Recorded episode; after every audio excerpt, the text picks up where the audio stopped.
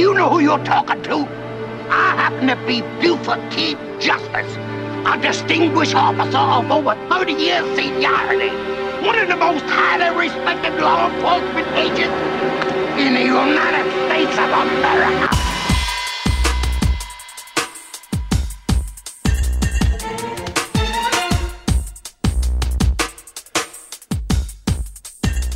Velkommen til Kvelden før kvelden med Lolbua. Det er episode 208, og alle vet jo at etter 208 så kommer 200. Siste episode før det braker løs eh, på Tilt i Oslo med vår store jubileumsepisode. Og det er litt sånn som når Vidar Lønn Arnesen og gjengen samler seg i NRK sitt studio to eller tre eller fire eller fem eller seks eller én, kanskje, for den saks skyld. Og så skal de steke ribbe, og så skal de ha koseprat, og så skal det være grevinnen og hovmesteren, og så skal vi alltid sjekke temperaturen på den ribba. Hvert år så skal de steke en ny ribbe for å vise oss. Det, det må jo være reprisemulighet i det programmet. Det var Magnus Tellefsen. Definitivt. Um, jeg ser, ser, ikke så ofte på det, så, så, det er greit at det er ganske monotont. Sånn at jeg liksom Sier du at du ikke ser på grevinnen og hovmesteren? Ja, det har jeg faktisk ikke sett på siden jeg var barn. Men jeg What? elska det da jeg var liten. Uh, men Vi skal si dagen for dagen, men det er jo dagen for uh, episode 200. 4. mai på Tilt. Det blir bra. De, det blir ja. noen gaver, da. Det, det, er jo julaften, det er jo gaver. Men jeg vet ikke om det er så mye gaver på 200. Nei, vi vet jo aldri hva som dukker opp. Vi kan jo uh, Skal vi komme med sånn ønsker i håp om at noen tar med seg gaver til oss? uh, ja. Ja. Mm. Jeg ønsker meg Det er bare én ting jeg ønsker meg nå. Jeg kjøper meg jo alt som jeg vil ha, uh, egentlig. For jeg er veldig dårlig til å gå og vente på at folk skal kjøpe det til meg. For min erfaring er at de kjøper noe annet i stedet. Mm. Men det eneste jeg ønsker meg nå, som du ser, så har jeg på meg min pysjamas som jeg fikk til jul, som jeg egentlig går i uh, hver dag hvis jeg kan. Jeg må vaske den av og til, da, dessverre. Men jeg skulle gjerne hatt uh, seks par pysjamaser til, altså én for hver dag uh, i syv forskjellige farger, da. Så at hver dag har sin farge. Skal jeg vaske eller, Det holder med seks pysjamaser, for det er søndagen kan jeg bruke til å vaske alle seks pysjamasene. Stå naken og vaske pysjamas? Ja, jeg kan være naken på søndag. Det er jo søndag som er pysjamasdagen. Ja, det vil jeg også si. Ja, jeg må vel egentlig ha syv. Så jeg må, jeg må lage et system på det. Jeg vil, vil i hvert fall ha pysjamas, sånn heldekkende pysjamas helt ned armer og bein. Veldig løs i livet. Ingen knapper. Det kan være bitte litt knapper her oppe. Uh, litt detaljert. det har du tenkt mye på. Ja, det skal være sånn tynt stoff, ikke sånn der uh, tungt. Det skal være veldig lett, tynt er det, stoff. Er det sånn fla flanellaktig stoff, eller? Ja, jeg, jeg, er så dårlig på sånne navn. Silke? Er, eller lin? Nei, det er ikke silke. Det skal ikke være glatt. Det må være litt friksjon i det. Men det skal ikke være sånn kosebukse. Uh, altså sånn tung, tung kosebuksestoff. Det må være tynnere enn det. Mer som laken. Litt sånn dongeri? Herregud, det ble veldig lenge. Og mitt ønske Hva er det dere ønsker dere? Jeg har skrevet en gaveliste på Glassmagasinet, så det er bare å dra der og ah. ja, kjøpe noe fra lista. Men, men, skal vi være så jævlig eh, kapitalistisk og materialistisk? Det er jo 1. mai i dag. Arbeiderens dag. Eh, sosialistdagen. Um, mm. Har dere gått i tog? Jeg, med, jeg markerer jo styrke med Obama-T-skjorta der det står 'Progress'. Det viser jo hvor jeg står. Og capsen.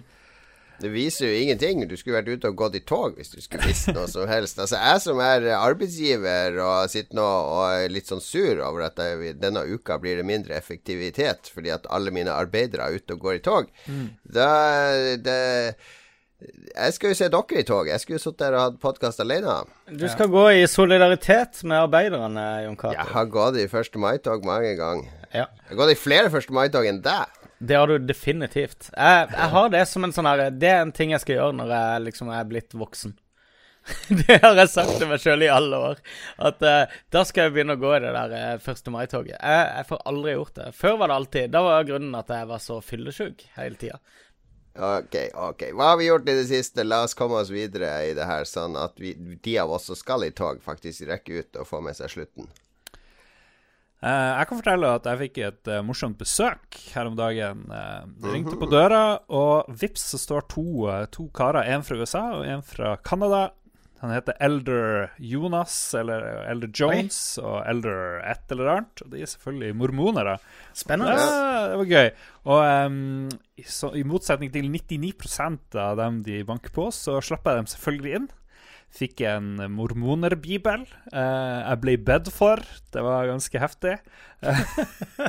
og jeg fikk spørre dem hva, jeg, hva jeg måtte liksom ønske av dem. da. De, veldig, de ville at jeg skulle liksom vite alt om mormoner og sånt. Og eh, det var mye bra svar, da. Det er nede hos dere som bor i Oslo, så har dere en eh, mormonesjefen i Norge.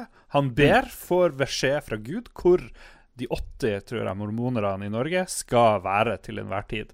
Så han ber til Gud, får liksom directions, ser sikkert et kart.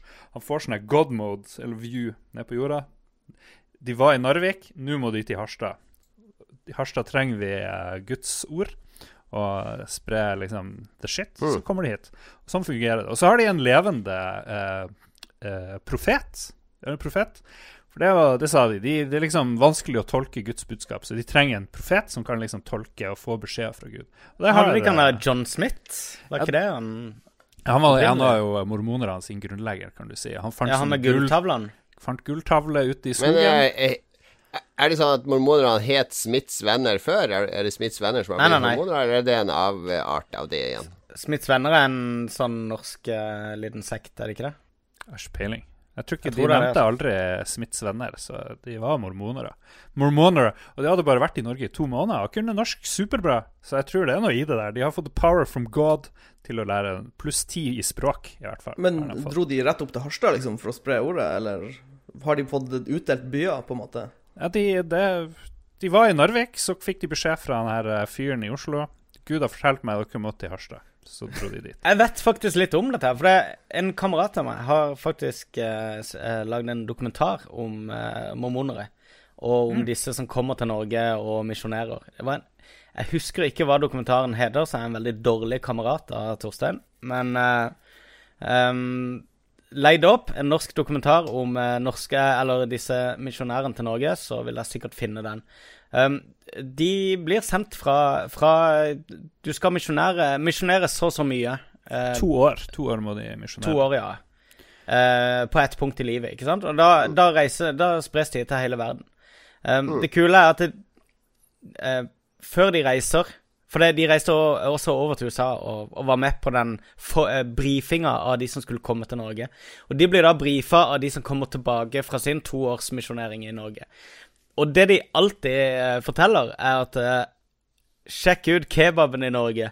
Det er det beste de tar med seg hver eneste periode. Sjekk ut kebaben i Norge. Det er helt suveren.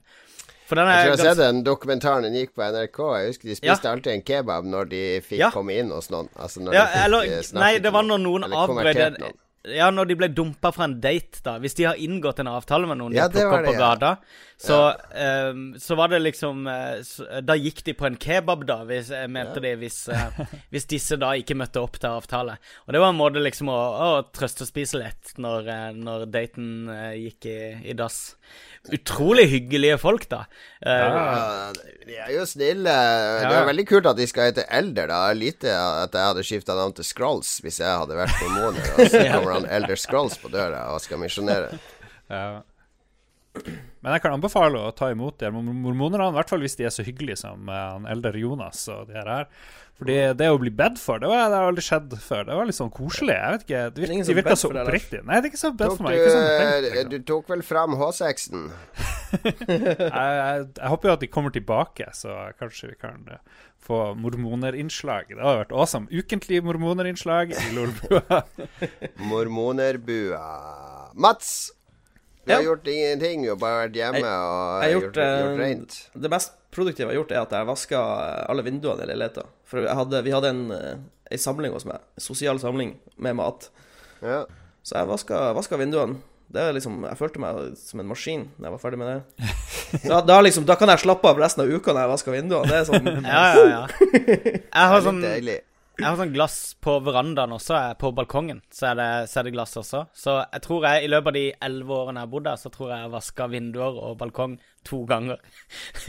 og da har jeg sittet i typisk i sånn tre måneder og, og vært stolt av meg sjøl. Ja, ja. Men jeg syns du trenger å gjøre så mye med det. Magnus, du har gjort ganske mye. Du har jo eh, arrangert konferanse for Du har arrangert ting før i ditt liv, men det er vel ikke arrangert noe av denne størrelsesgraden der to ministre kommer på besøk og skal Nei. tale, osv., osv. Det gikk opp for meg først samme dagen mens uh, det pågikk, at sånn Holy shit, dette er egentlig ganske big league. Uh, dette er et voksent opplegg. Um, ja, jeg har jo fått meg jobb og, jobber, og har jobba i fire uker med å forberede en konferanse. En endagskonferanse i Oslo. Der var du også, Jon. Du var jo en av talerne der.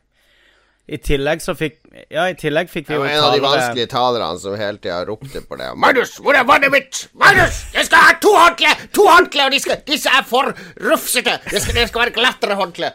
Sånn jobber jo ikke jeg med. Jeg, jeg, var en av de som jobba med å uh, si at OK, vi tar med Jon Cato, så blir han så glad. Da setter vi han et, på et, et, harmløst sted i programmet der han ikke kan gjøre Jeg, jeg er på det stadiet at jeg blir ikke spurt, jeg blir bare ført opp i programmet. Og så får jeg se, og så, Jon Cato, så sier du noe her. Så ja, OK.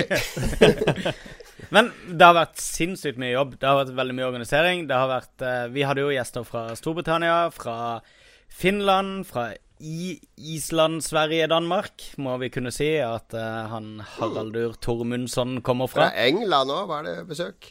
Uh, ja, uh, Storbritannia. Um, det er jo en Stay Curran som veldig mange er fan av. Hadde veldig morsom sånn TED Talk-aktig foredrag der han Han gjorde litt narr av TED Talk, kanskje, også. Ja, kanskje. Men veldig morsom. Så hadde vi, eh, eh, som jeg sa eh, Hal, Hva heter han for noe? Halvardur Tormundsson. Eller Halli, da, som alle kaller han. Fra eh, Bearded Ladies, de som jobber nå på Mutant Year Zero, hvis dere kjenner til det spillet.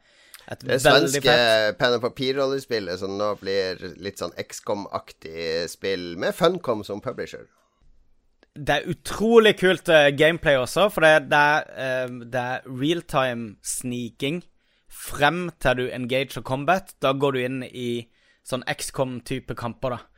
Eh, og i tillegg er det en haug med rollespillelementer, og eh, ja Utrolig Det, det fins en På PC Gamer så fins det en sånn der 45 minutters gameplay-demo som de viser hele åssen det eh, fungerer, da. Uansett, han Halli var helt fantastisk morsom fyr. Så kom Marina fra eh, Hallikannen, tror jeg hun er der, fra Finland. Ja. Fra City Skylines-gjengen. og var veldig informativ og kul. Um, vi hadde Hvem andre hadde vi som snakka Vi hadde jo en haug med folk fra eh, bransjeforeninger rundt omkring i Norden som var og hadde en sånn bransjesamtale om hva norske bransjen kan gjøre for å vokse.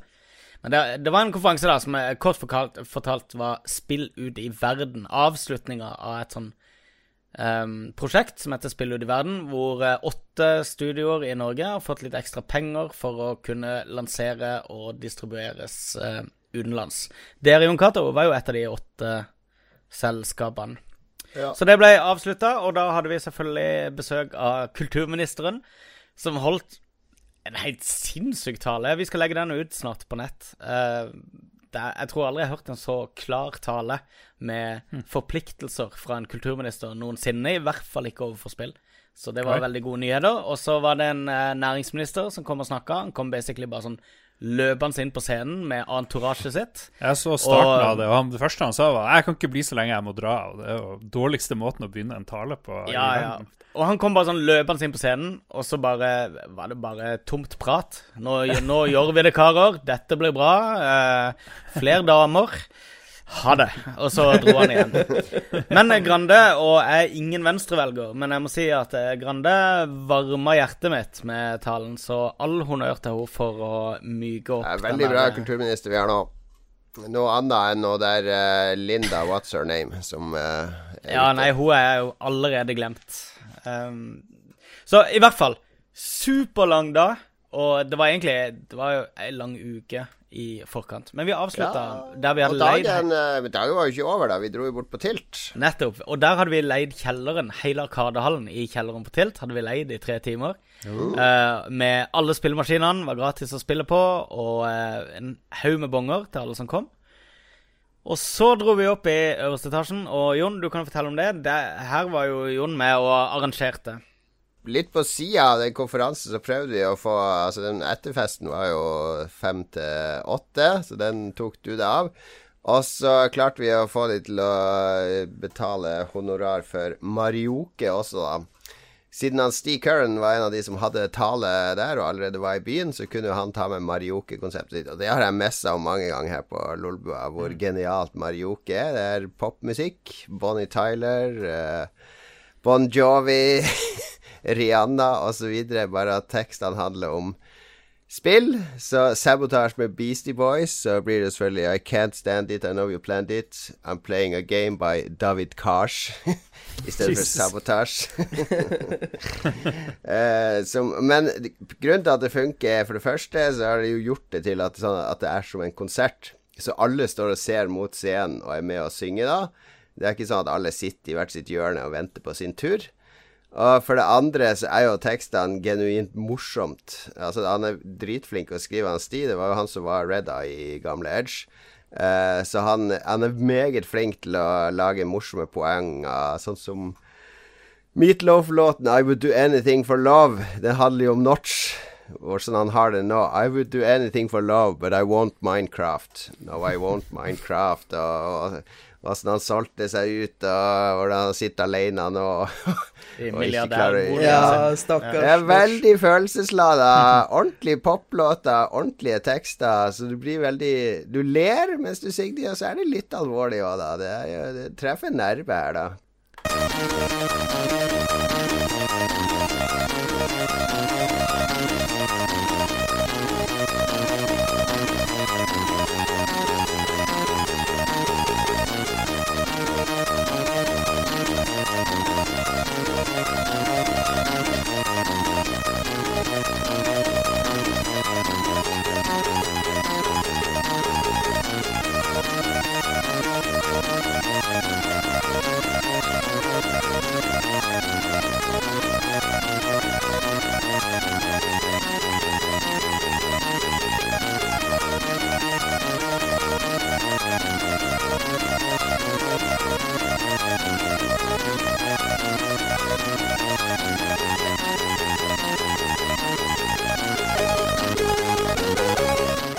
Jeg kjenner jeg blir helt glad av å tenke på den Marioke-kvelden. For jeg var veldig nervøs for at det skulle dukke opp nok folk osv., osv. Men det var jo stinn brakke. Vet du, ja. det, og det var ganske glissent i begynnelsen, men vet du hva jeg gjorde, Jon? Nei. Jeg gikk ned i Arkaden, nede i kjelleren. Så ga jeg én bong til alle som var i hele underetasjen, og sa at denne bongen funker bare i baren oppe eh, på, eh, der oppe. Og da ble det fullt der. Og da ble det Da funka det. Jeg var veldig stolt av, av bribinga mi den kvelden. nice. Profesjonelt, profesjonelt. Hva har vi spilt i det siste? Vi kommer ikke unna det at vi skal spille spill. Og vi kan Syns vi skal begynne med Mats, for han la en sånn um, innlegg forrige uke til seg sjøl, der han snakka Å, nå gleder han seg til å begynne med Battletech. Det var jo en av, en av nyhetene i forrige ja, Ja, nytt strategispill ute basert på Battletech, MechWarrior-universet. Um, uh, fått litt sånn opp og ned-mottakelse på Steam, men vi vil jo selvfølgelig høre fra vår ekspert Mats. Ja. Hvordan er rapporten fra frontlinjene i 2248, eller når det her foregår? Det er 3000. Oh, ja, såpass, såpass, Det er over 1000 år i fremtida. Ja, det er et veldig, veldig er, Jeg vil si at det er et bra, et bra strategispill. Eh, men det fortjener litt pepper, for det er ikke føles uferdig på enkelte områder. Eh, men jeg har storkost meg. Det er, mm, vi kan jo forklare veldig sånn grovt hvordan spillet foregår. Eh, du styrer en, en lanse av Mech-warriorer, så du har opptil fire Mechs du kan styre da i din unit så blir du bare sendt ut på oppdrag. Eh, det er jo en story som følger med spillet, da. Det er faktisk ganske ålreit hittil. Det er sånn um, Game of Thrones-aktig historie. For det er jo sånn um, Det er sånn univers, at du blir eller... kjent med karakterer bak disse kjemperobotene? Ja, eller vi er egentlig bare fotsoldater, vi som styrer mekkene. Ja. Vi er liksom ikke hovedpersonene i historien. Hovedpersonene er gjerne lords og ladies som er på toppen av sånne hus. Mm. Det er litt sånn Dune-aktig. House Harkonnen og, eh, Harkonnen og de. Ja, nettopp. Du har sånne familiedynastier som ja, styrer store deler av verdensrommet. De, har, de, er konstant i krig. Kalles The Succession Wars. For du hadde, en, du hadde en periode hvor det var uh, god stemning. Så ble det danna noe som het Star League, som styrte over nesten hele det kjente universet. Og så ble noen misfornøyde, og så ble, har det basically bare vært en sånn evigvarende krig siden da. Hele spillet går ut på at du blir sendt ut på missions. Eh, det er turn-based. Du styrer fire Mex. Eh, og så må du bare vinne, vinne victory conditions til missionet. Mm. Det kan være å eskortere eh, noen biler fra A til B, ta ut en base, bare ta ut én fyr, et sånn Assassination-aktig mission. Så er det også en sånn helt egen sidedel av spillet hvor du basically er en leiesoldat og kan plukke dine egne, egne oppdrag. Du har liksom story missions som blir pre presentert som, som, priority missions, og da, da dytter du historien fremover når du tar de oppdragene. Men du kan vente så lenge du vil med å ta de oppdragene. Du må ikke hoppe inn i, i storyen hvis du ikke vil. Så jeg har kjørt mye sånne side missions og vært leiesoldat, for jeg syns det er morsomt. Er det, hvor, likt, hvor likt er det XCOM? For det er sånn som jeg leste om det. Så ja, ganske... det, er, det, går an å sammenligne med XCOM. Uh, det ligner på XCOM i den forstand at det er turn-based, og det er mye taktiske elementer, men der vil jeg si at det slutter. For det, mm. du styrer jo ikke infanterister, du styrer jo Mex, så uh, jeg ville sammenligne det med spill hvor du har facing, på en måte. Fordi du har panser foran på Meken, du har panser bak. Hvis du blir skutt i ryggen, tåler du mye mindre, og det er litt annerledes enn en XCOM, vil jeg si. Fordi du, du, stripper på en måte panser fra Mex når du skyter på dem. Så hvis du skyter i ryggen, så vil du strippe panseret mye raskere, og kan begynne å angripe komponentene inni Meken. Stripping, det liker vi. er, er, det ikke sånn at spillet kjører ganske dårlig selv om du har en high end-PC? ja, det er lagd i Unity Engine. Ja. Ja, det er Heartstone òg, altså. Det, skal, det, har ikke noe å si hvis du vet Her har de, her har de prøvd å lage det sånn skikkelig heftig 3D-spill, på en måte. Det er ganske ja. mye detalj... Hvis du zoomer inn på Mekkan, liksom, det er utrolig detaljert. Uh, så jeg fant ut i går kveld at uh, dette, dette, kan være et tips til alle som spiller Battletech. Hvis spillet ditt begynner å, å gå tregere, nesten sånn Jo mer lenger du spiller, jo dårligere går det, uh, så har det noe med save games. Hvis du har for mange save games så påvirker det negativt performancen til spillet. Så du må skru av cloud saves, og så må du slette Hvis du har liksom 30 save games, så må du bare slette Slett 29 av dem. Eller du kan bare flytte det til en annen katalog, og da vil plutselig spillet gå mye bedre igjen. Så det, det er De må patche et eller annet, tydeligvis. Yeah. Men jeg, jeg, liker det, jeg liker det veldig godt. Det, det er sånn typisk Mats-spill. Ja, typisk Mats-spill. det er en egen eh, sånn stempel du burde få, så du kan ha ja. på spill. Eh, hvem er neste? Magnus? Ja, jeg kan ta det. Uh, den siste uka så fant jeg ut at mellom mandag og fredag så satt ikke jeg i sofaen min. Uh, fordi at jeg jobba så mye og gikk bare rett hjem og la meg. Men uh, det lille jeg fikk spilt da For det, jeg var jo ikke med i forrige sending, så det jeg har spilt de siste to ukene, har vært God of War igjen. Vi trenger ikke gå enda mer i dybden på God of War, men det er spillet som bare fortsetter å gi. Helt umulig å føle at den blir ferdig, og ja. Mm. Har du runda? Nei, ikke runda det. Jeg brems, står på hælene og bremser utviklinga, for det er, det er, så mye jeg har lyst til å få med meg av ja. eh, sideoppdrag og ekstra innhold. Nei, men det er bare å glede seg. Jeg, driver, jeg er jo ferdig og holder på enda Ja, er det Sånn som med uh, Horizon, der runda det, så syns jeg ikke det var så kult å fortsette å uh, jage innhold.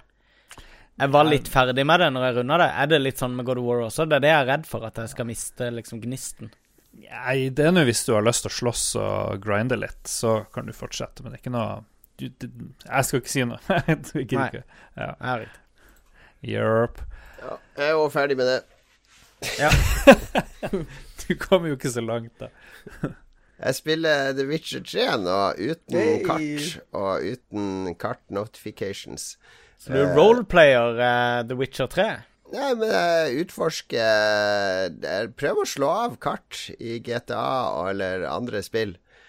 Og så plutselig så ser du verden. Altså, du vet at jeg må gå til det huset, altså over den åsen. Jeg kan godt se på kartet hvor jeg skal henne.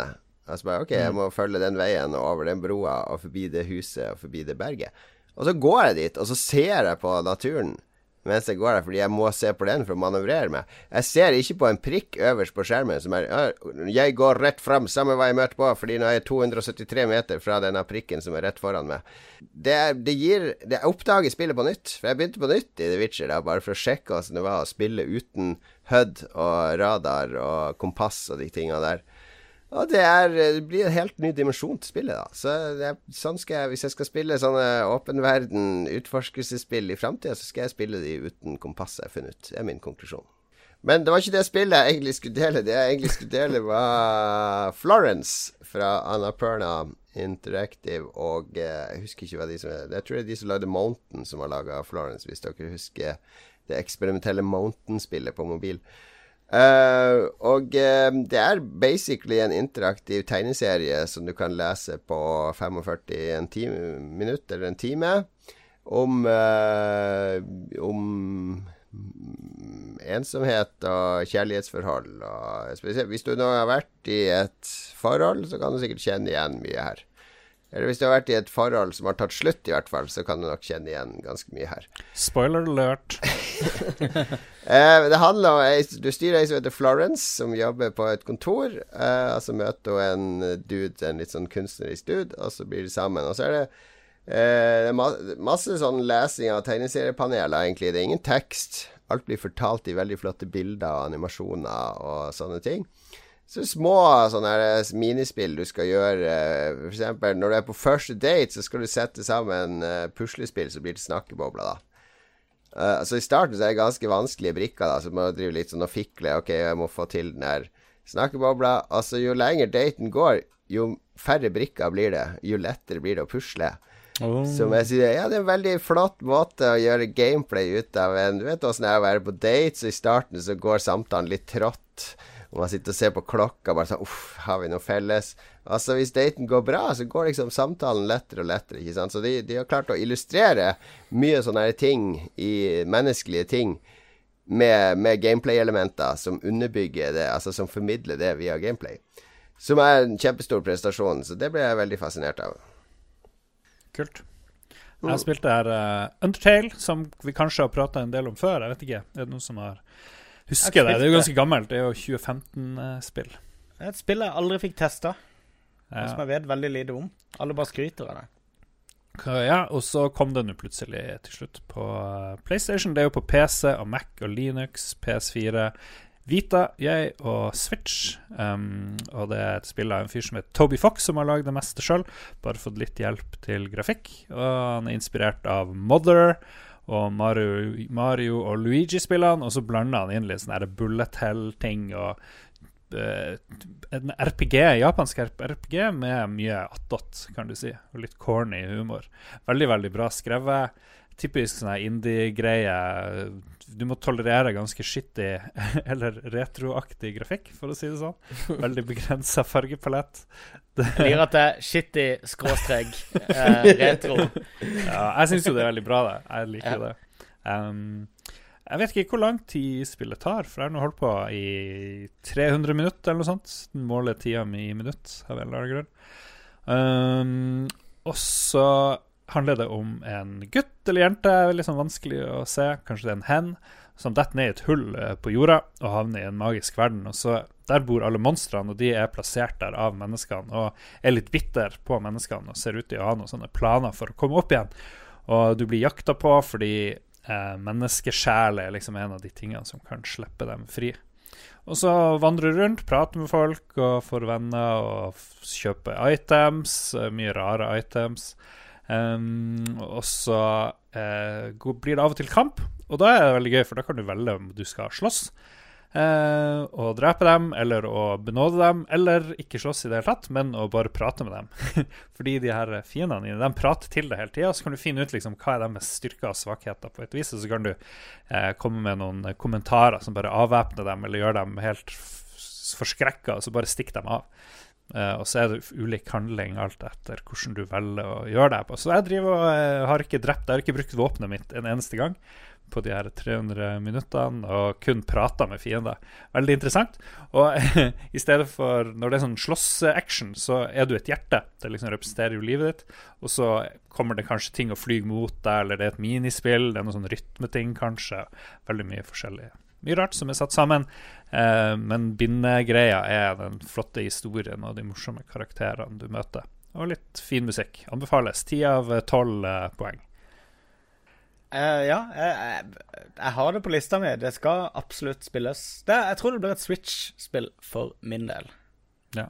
Solgt uh, over en million. Fått ja. Mye oppmerksomhet, så det er jo ikke noe sånn hemmelig spill som folk får høre om. Men jeg gleder meg til å prøve det, og det står til forventningene. En veldig mm. overgang å gå fra God of War til Undertale, kan du si.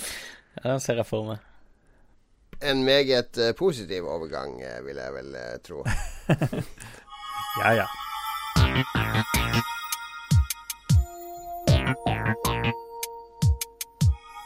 Thank you.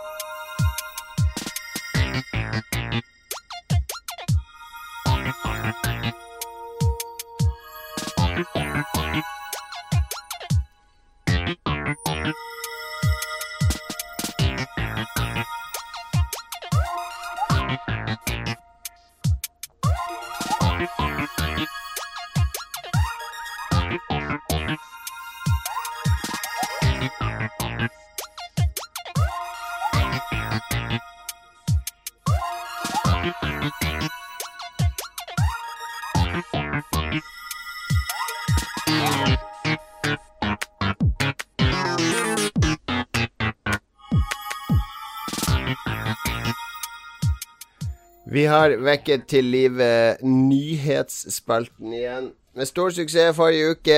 Leserbrevene har flommet inn. Uh, Lars bare Yeah! Nyhetene er tilbake! Woo! Alle fire verdenshjørner har bidratt med hyllest til uh, nyhetsspalten. Hvor er de fire verdenshjørnene, egentlig? Jeg har alltid lurt på.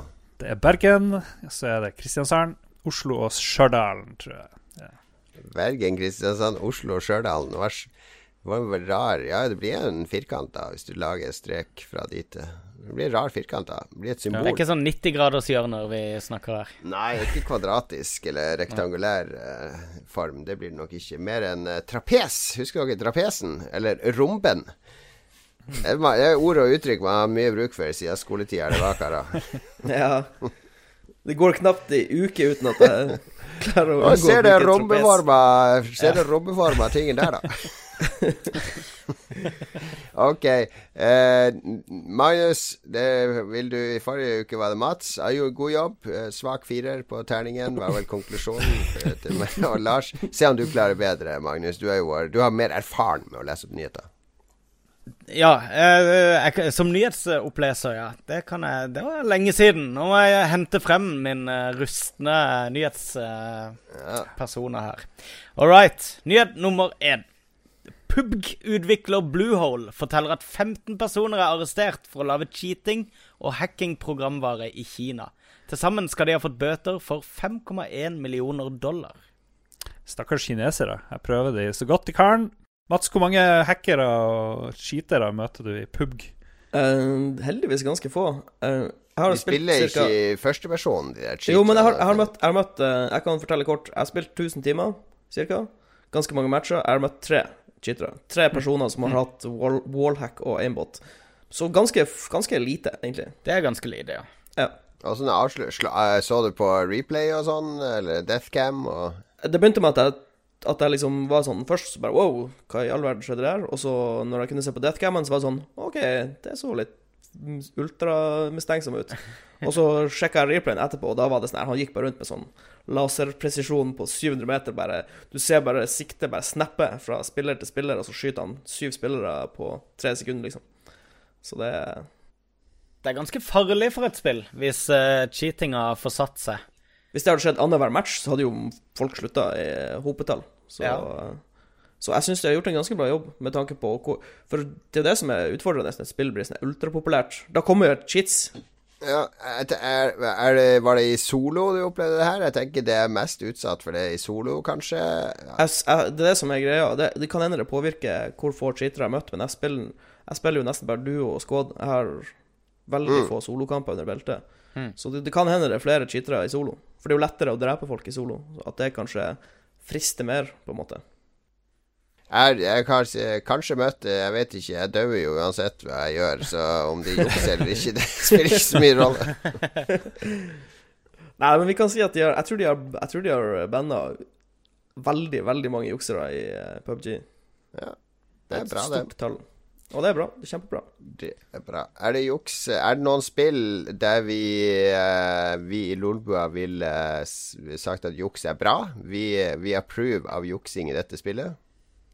Jeg syns i, i multiplayerspill hvor du har en versus mode, der bør det ikke være mulig å jukse. Men jeg driter litt i om andre cheater hvis det er en, en PVE-ting. Og så bare handler om Og det er veldig mange som reagerer på sånt, men jeg driter litt i om folk kjøper seg det dyreste gearet i World of Warcraft for ekte penger og sånn. Who cares? Det er jo folk som jukser i Vermintide, liksom. Ja, ja. Mot, mot AI-en. Ja, men det må det de bare gjøre. Det gjør meg ingenting, nei. Det påvirker ikke mitt spill og min opplevelse, så da driter jeg i det. Men versus eh, Det er jo noen som mener f.eks. at å mappe høyre hånd, venstre hånd i Tekken til L1 er juks, fordi du skal trykke på de to knappene, ikke ha en eh, Det er juks. Ja, det er juks å låse eh, knappekomboer til eh, skulderknappene på PlayStation-kontrollen. Tekken-puristene mener at det er juks. Ja, vi hadde, vi hadde Tekken-turnering hos han Lars, og da det kom den diskusjonen opp. Og da var det hardcore puristene mot eh, de som ikke brydde seg så mye, da. Så jeg vet ikke. Uh, Grinding Gear Games, de som har gitt ut uh, Path of Exile, har sagt at hvis du, hvis du uh, trykker inn 1-5-tastene dine samtidig, for du har potions på 1-5, ikke sant?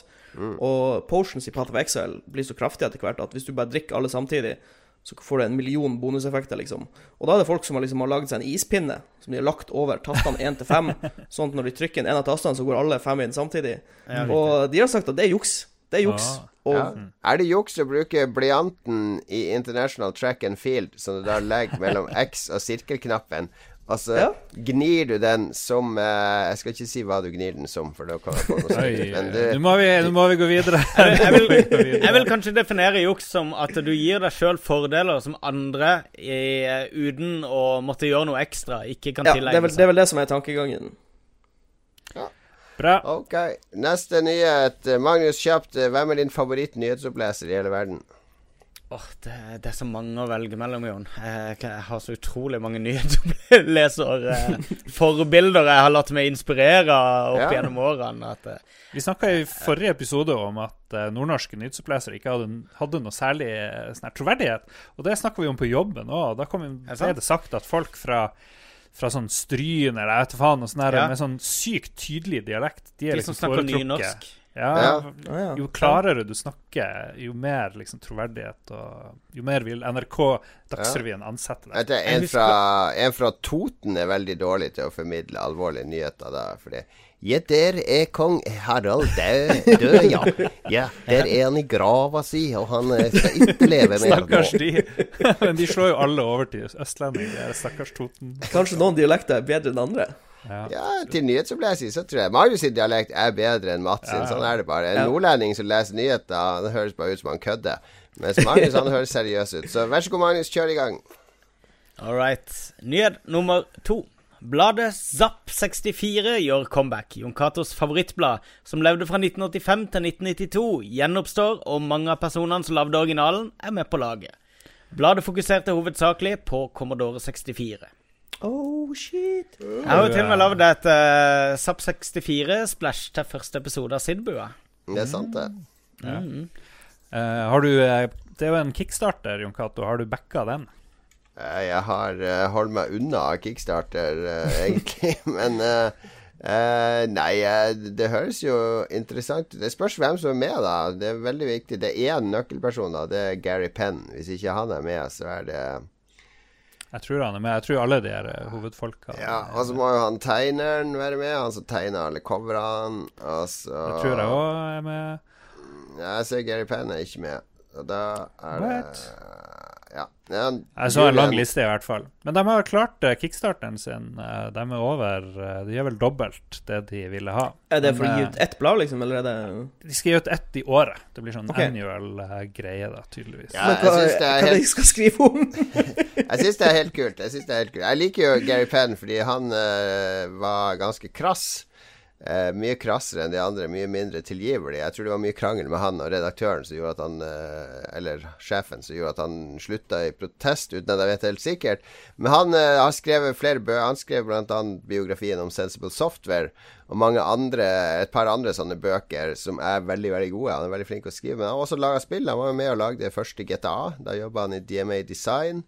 Uh, han har laga mange sånne puslespill siden da, så han er uh, det var han som liksom var han jeg identifiserte meg med i Zapp.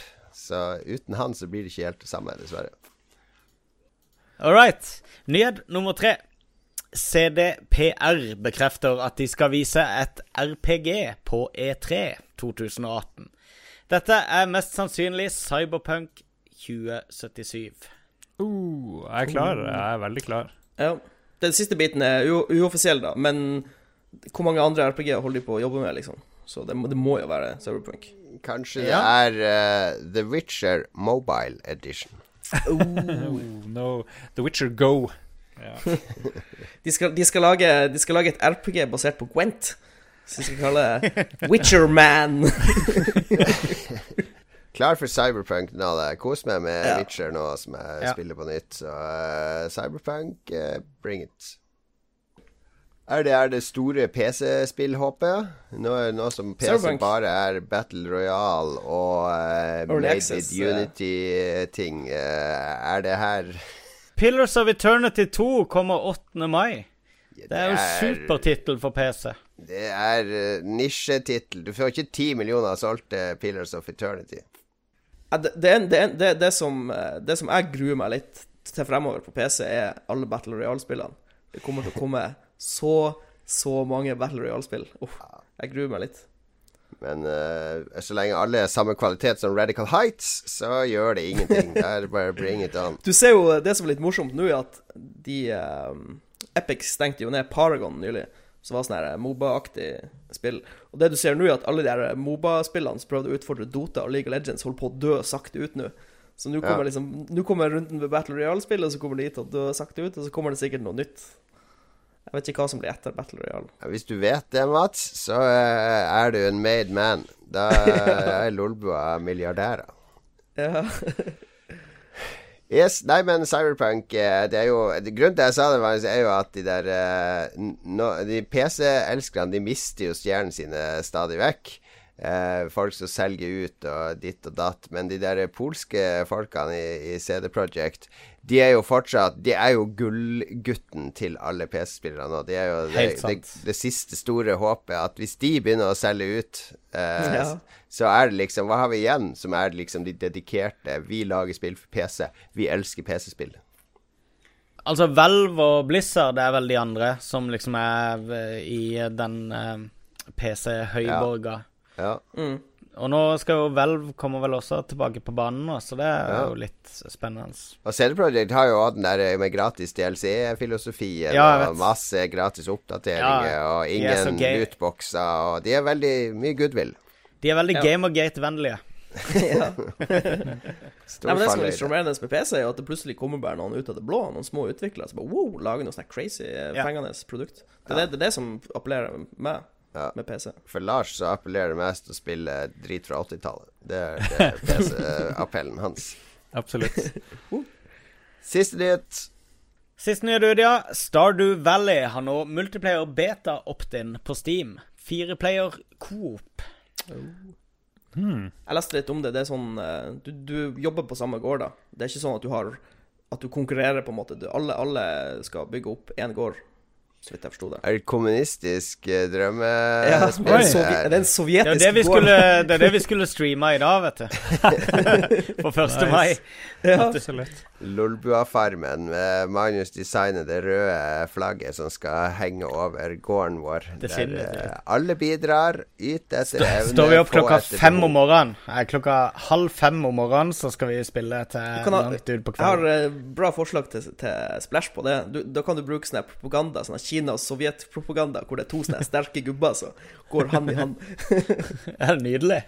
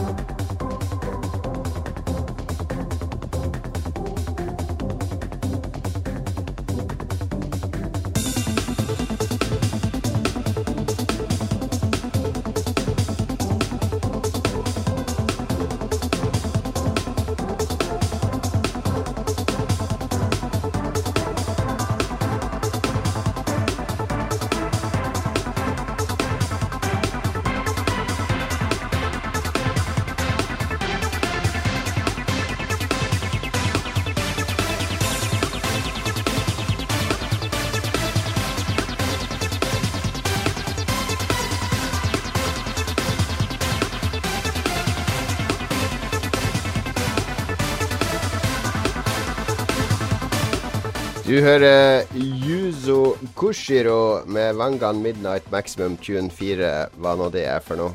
Aldri hørt om. Jeg har en, ganske mange sånne obskure japanske spill-soundtrack-låter liggende her. Mye gull inni de av og til. Hm. Mye crap òg. Sant skal være sant. En spade skal kalles for en spade, og en potte skal kalle en kettle for svart, har jeg hørt. Hva, hva, betyr egentlig det uttrykket, Marius? Pot calling the kettle black? Er det at uh, man Er det som å kaste stein i glasshus på norsk? Uh, ja, egentlig. At uh, du, du, Altså, begge to er svarte, men den ene kaller den andre for svart, uten å se at han sjøl er svart. Svart person kaster stein i glasshus? jeg syns du skal forklare det sånn neste gang noen spør deg. Ja, min kone er veldig flink til å rote til sånne ordtak, så hun klarer ja, å si sånn som Eh, eh, den skarpeste egget i skuffa og sånne ting. Ja, riktig. som, er, som er veldig morsomt når man roter til ordtak. Det er ikke noe artigere enn å rote til ordtak. Nei, du har uh, 'Tomorrow Never Knows' med Beatles. Det er jo Ringo. Han var jo ekspert på sånne ting. Så de har en haug med titler og albumnavn som kommer fra hans uh, Og 'Hard Days Night' er også Ringo Starr sin uh, Der han roter med uttrykk. Så Lang tradisjon i det. Litt Beatles-trivia der, og vi skal ja. anbefale ting nå. Og det blir ikke Beatles. Nei. Nei. Skal jeg begynne, siden uh, kan siden, begynne. Eh, jeg ser du anbefaler et gammelt PlayStation 2-spill, nemlig Wild Wild Country, som var et lanseringsspill på PlayStation 2. Uh, eh, helt korrekt. Det er et gammelt PlayStation 2-spill som nå har kommet på Netflix. Nei da. Det er en uh, dokumentarserie som heter Wild Wild Country. Fra en um, En historie om en sekt som først oppsto i India, og etter hvert flytta til USA på begynnelsen av 80-tallet. Jeg syns det er helt utrolig at jeg aldri har hørt om denne uh, historien før.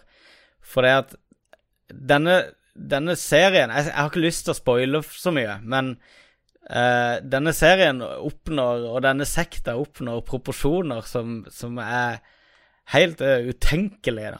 Um, det er snakk om noe som Hvis dette hadde skjedd i dag, så hadde det vært super verdensnyheter hver eneste dag uh, ganske lenge.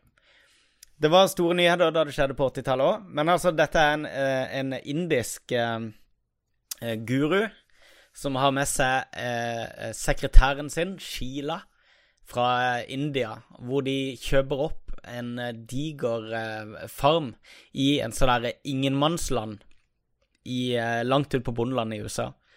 Og de flytter inn og bare kjøper opp et Det er så digert, det landområdet. Um, og de bygger det opp. De bygger massevis av brakker og telt, og de lager en uh, falsk innsjø der, og de irrigerer området, dyrker sin egen mat, og folk kommer tilreisende fra hele USA for å uh, liksom joine dette samfunnet, som uh, typisk har mye sånn her fri sex, og det, ingen skal bestemme over deg, du har lov til å gjøre hva du vil.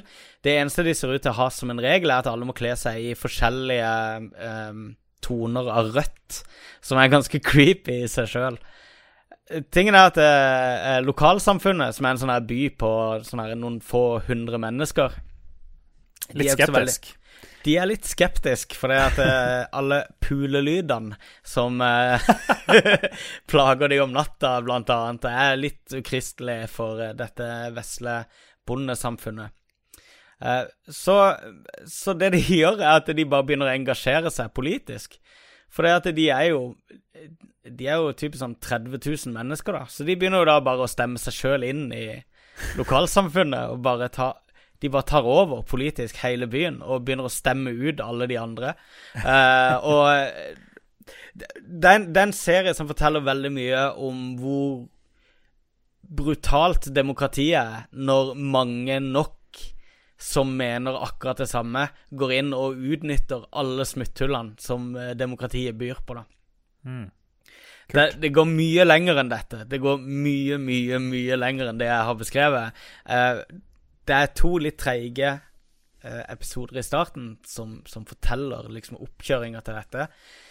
Du får intervjuer med, med alle de sentrale personene, uh, unntatt han guruen selv, som egentlig ikke er, egentlig er så sentral i historien. Um, Blant annet så, i den byen, da Så en av de som eier ranch der, er jo eh, han som etablerte Nike i sin tid. Som starta wow. en sånn her storstilt politisk antikampanje mot denne her sekta, da. Eh, for at ikke de skulle altså ta over hele, hele staten. Eller, eller hele lokale Hva heter det? Det er det som er Kommunen, under sikkert. stat. Hva sier du? Kommunen, sikkert.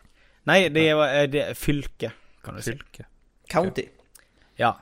De, de Så um, en utrolig morsom serie. Eller den er ikke morsom i det hele tatt. Dritskummel. Kjempeinteressant. Og, og, det som er så fett, da, er at uh, denne sekta De var sånn superopptatt av å filme alt som skjedde. Så det er jo opptak av alt som har skjedd, hele veien. I tillegg så har hun der Sheila. Hun har vært masse i nyhetene. Og hun hadde en egen sånn der hersketeknikk når hun havna i debatter på TV. Hun var masse på debatter i offentlig i sånn der Nei, nasjonal TV i USA. At uh, hun begynte bare å banne, og da var de nødt til å kutte debatten hver eneste gang. Så oh hun, hun, bare sa det hun skulle gjøre, og så sa hun 'motherfucker' til slutt, eller et eller annet sånt, og så måtte de bare stoppe hele greia. Uh, og så ja. drepte de alle sammen. Det var jo litt trist på slutten der, da. Det, er en, eh, det er en dokumentar, er det ikke det? Det er en dokumentarserie. Ja, altså, alt dette er kjempesant. Og hun Sheila hun bor nå i Østerrike og er en sånn gammel, eh, gammel eh, kjempekoselig gammel indisk dame. Um, som forteller historien selvfølgelig sett veldig fra sitt perspektiv. Da. Ja, ja, ja fascinerende. Eh, kanskje litt, kunne kanskje vært noen episoder kortere. Det er et par ja, som er Han begynner litt, eh, litt treigt. De bruker mm. veldig lang tid på å etablere. Men ja. det, det, det, er litt rettferdiggjort etter hvert, fordi du forstår liksom hvor de begynte, eh, mm. og hva som er grunnen til at det gikk som det gikk. da ja, ja, ja, men det er jo eh, Det er jo sånn det, det, Din beskrivelse av demokratiet Det er vel sånn det funker, at flertallet skal få bestemme. Så hvis ja, flertallet er idioter, så må vi dessverre føye oss. Er det ikke sånn det er? Ja, men det er liksom eh, Demokratiet er ikke lagt opp til at, eh, at eh, alle skal organisere til, seg til å, stamme, nei, til å stemme helt likt på absolutt alt. Sånn som du har Du har jo det Altså, religiøse høyresida i USA er jo, er jo ja, veldig ja. der, da. De stemmer jo likt hele tida. Ja. Så får du liksom Den religiøse ja. høyresida i Norge òg stemmer jo likt, de er bare så mye mindre. Så de ja, noe, de, de, har bare ikke så mye de, de skulle ha sagt. Her. De er ikke noe trussel. Nei, det blir jo sånn eh, Ja, men det er jo vanskelig å lage et demokrati der de krever at du skal være et unikt individ også, tenker jeg. Så vi må, vi må nok ta demokratiet ja, ja. med det gode og det vonde. Nettopp. Ja. Men jeg stussa litt på at du sa at du skulle ikke spoile, da. I og med at det er en dokumentar, så går det vel egentlig ikke Altså, hvis jeg ser en dokumentar om andre verdenskrig, så er det sånn her Ikke si hvem som vinner krigen! Altså, jeg, jeg, har ikke Ja, men ikke... Uh, dette her er som sagt en historie som, som, du ikke har hørt om allerede, Jon Cato, er det ikke det? Ja, det vet jeg. Kanskje jeg har lest bøker om det. Kan, ja, og det er, en, det er en utvikling i historien ja. her. Det er en dramaturgi i åssen Jo da, det er jo ofte det. Jeg skjønner jo det, da. Ja. Det er som en, uh, en løk Nok fra ekteparet. Jeg kan ta min anbefaling. uh, jeg har tidligere anbefalt serien All or Nothing, som går på Amazon Prime. Nå har sesong tre kommet, som følger eh, det amerikanske fotballaget Dallas Cowboys, også kjent som America's Team, eller et eller annet sånt. De er huge as ja, fuck. Beast. De har noen sånn sinnssyke tribuner, sinnssyke treningsanlegg. Det er, det er så mye penger i det der laget at uh, det er absurd. Det er gøy å få bare, bare få kamera sveipe gjennom det magiske nye sentrene deres. Men det, de følger et fotballag gjennom en sesong på jakten etter uh, Superbowl-trofé. Første sesongen var helt helt sinnssykt bra. Arizona dritbra, ja. Cardinals, tror jeg ja. de fulgte. Arizona Cardinals, ja. Hvor du fikk se jeg være hjemme hos trenerne, de har problemer med hunden sin, før du følger noen, noen av spillerne. Og kommer veldig tett på og veldig, veldig gøy. Kombinert med NFL-fotografene sine magiske kamera, og de er sykt flinke til å ja. filme sine ting. Mm. Uh, sesong to var litt shit. Sesong tre mm. begynner bra. Uh, litt mer access enn de hadde i sesong to, tror jeg. Men, uh, men se i hvert fall sesong én, hvis dere ikke har sett av All or Nothing. Hva, hvis man er ikke er interessert i amerikansk fotball, hvorfor skal man se der, da? Jeg er absolutt ikke interessert i amerikansk fotball whatsoever. Ja, hvor, hvorfor, skal jeg, hvorfor, skal jeg, se det hvis jeg ikke er interessert i amerikansk fotball? Hva er, det, ja, hva er det som gjør at serien formidler noe til meg som ikke er interessert i amerikansk fotball? Eller til deg som ikke er det? Jeg, jeg, kan, jeg, kan, jeg, er ikke noe sånn megainteressert i, i amerikansk fotball. Jeg, jeg følger ikke NFL, liksom. Men jeg syns bare det var bra Det var interessante karakterer på, på laget. Altså, treneren er helt genial. Veldig fascinerende. Keys og så kommer du ganske tett Du kommer veldig tett på alle på en måte på laget. Og så du bryr deg om dem etter hvert, da. Hvis du, hvis du, klarer å komme inn i serien. Så mm. du har lyst til at de skal vinne Superbowl. Og jeg, jeg, visste ikke hvem som vant Superbowl det året, så det var jo veldig spennende for meg å følge med. Og så ja. går det bra, og så blir det sånn Oh shit, kanskje de kan vinne, liksom. Så det ble, ble skikkelig gira, rett og slett. Um, jeg skal ta dere med bort fra skjermen. Det ble mye skjermanbefalinger nå. Uh, slå av skjermen, uh, ta første fly til Oslo. altså, altså spasere du opp på Grünerløkka. Ikke i dag, 1. mai, for det regner. Det er nesten snø i Oslo i dag. Og helt sikkert ikke åpent hvis det er 1. mai. Ja, uh, ta, ta, det en annen dag. Eller kanskje du kan gjøre det før episode 200 på fredag. Ta deg en tur opp på Grünerløkka. rett rundt hjørnet for Parkteatret så finnes det en liten grillrestaurant som heter Way Down South. South, som eh, er eh, amerikansk barbecue. Det er en amerikaner, han har bodd i Norge i tolv år. Eh, som han fortalte meg når jeg var, spiste der uh, forrige uke. Så uh, han var, var, rett før han skilte seg, fordi den der norske grillmaten Det er noe av det jævligste han har spist i, i sitt liv. Det, disse engangsgrillene og pølsen og disse ferdigmarinerte svinekotelettene på Rema osv. osv. Eh, så han, han er barbecue-fan, så han fikk muligheten til å starte sitt eget barbecue-sted, eh, som da heter Way Down South. Og han lager du sånn, Hvis du er flere enn eh, mer enn én, det håper jeg du er hvis du først skal gå ut og spise, så kan du bestille sånn delingsplatter eh, til x antall personer, og da får du både noen helt amazing spareribs selvfølgelig. Sånne svære, saftige som detter av beinet. Du får uh, sånn fried chicken med sånn skikkelig crust på. Uh, du får mac and cheese med knust ostepop på toppen. Helt utrolig godt. Du får en del andre sånne små retter. Du får noe jalapeño-pølse. De er helt greie. Gode nok. Eh, og selvfølgelig noe uh, strimla svinekjøtt, eller pulled pork, som det heter på matspråket. Eh, og du får han hyggelige amerikaneren som eh, kommer bort og forteller om maten. Det er alltid folk der, ganske lite og trangt, og det lukter grill i hele lokalet. Du sitter liksom inne i grillen og spiser. Eh, en diger smoker i bak mm, Det er ordentlig der, røkt, eh, godt ekte. Eh, kjøtt. Så, og det er eh, Jeg vet at det er et annet sånn grillsted i Oslo som er litt sånn tilsvarende type mat. Det er jo ikke noe sunn, sunn mat i utgangspunktet, men det er jo så godt. Herregud, så godt det er. Uh, jeg har spist det to ganger, og det er sånn tårene nesten renner når du spiser det. Så det er, det, er, det er så bra som det kan bli, mm. rett og slett. Det det det er perfekt. det, uh, og det er ikke så dyrt heller. Det det er, Jeg tror det det er 350 sykt. per pers for en sånn delingsplett. Ja. Da får du smake på alt de har. Og du mm. blir Når vi, vi var sånn syv stykker, så vi, vi tar en sånn sharingpletter, og så kommer han med en sånn svært brett, og tenker jeg det her kommer aldri til å holde. Det, for det ser ikke ut som det er så mye, men så da vi var ferdig der, da måtte vi rulle ut fra det stedet. Og da hadde vi ikke engang spist opp alt. Så eh, kanskje vi skal sjekke det ut uh, dagen etter episode 200, Lars og Mats. Ja. ja. Litt BBQ. Får, uh... Jeg er klar for litt uh, barbecue, litt brisket. Jo, brisket, brisket. Way down south, Grünerløkka i Oslo. Vi skal, uh, avhengig av når du hører denne podkasten Vi gir den altså ut på torsdag. Vi pleier å gi ut på fredag, men du får den ut på torsdag, uh, Lars. Ja uh, Så det blir da kvelden for kvelden for de som absolutt skal ha oss inn i øret med en gang vi kommer. Det hørtes litt slibrig ut. Uh, Det kan hende noen hører den på dagtid på fredag òg. Jeg håper vi dere gleder dere til i kveld. Det kan hende noen hører det etterpå òg. Da, ja ja, dere får uh, bære over med oss uh, at vi nå driver og teaser ting som har skjedd. Men uh, vi kommer på tilt. Vi er vel der dørene åpner fem, var det ikke det vi ble enige om? Ja, noe sånt. Vi er ferdig til ni, så det, ja, det blir podkast fra seks til ni. Først Saft og Svele en time, og så oss i halvannen time. Uh, og så blir det jo Etter vi er ferdige klokka ni, så skal alle rett hjem i seng. Da er det slutt. Nei da. Da skal vi ned i kjelleren. Da har vi med oss en uh, digert glass full av uh, skjetonger. Og da kan alle utfordre oss i Arkadespill. Uh, det vil si utfordre Lars. Så når Lars taper, så må han shotte. Hvis ingen er blitt kasta ut på det tidspunktet. vi må jo klare å holde ut til ni i år, Lars. Ja da. Ja.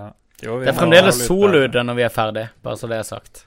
Ja. Det er lyst, og det er fremdeles dag. ja, ja, ja. Det er litt deilig det at uh, det er såpass uh, uh, mot sommeren. Teller det som dagfylla, Jon? Jon? da må vi Nei, da må vi begynne enda tidligere.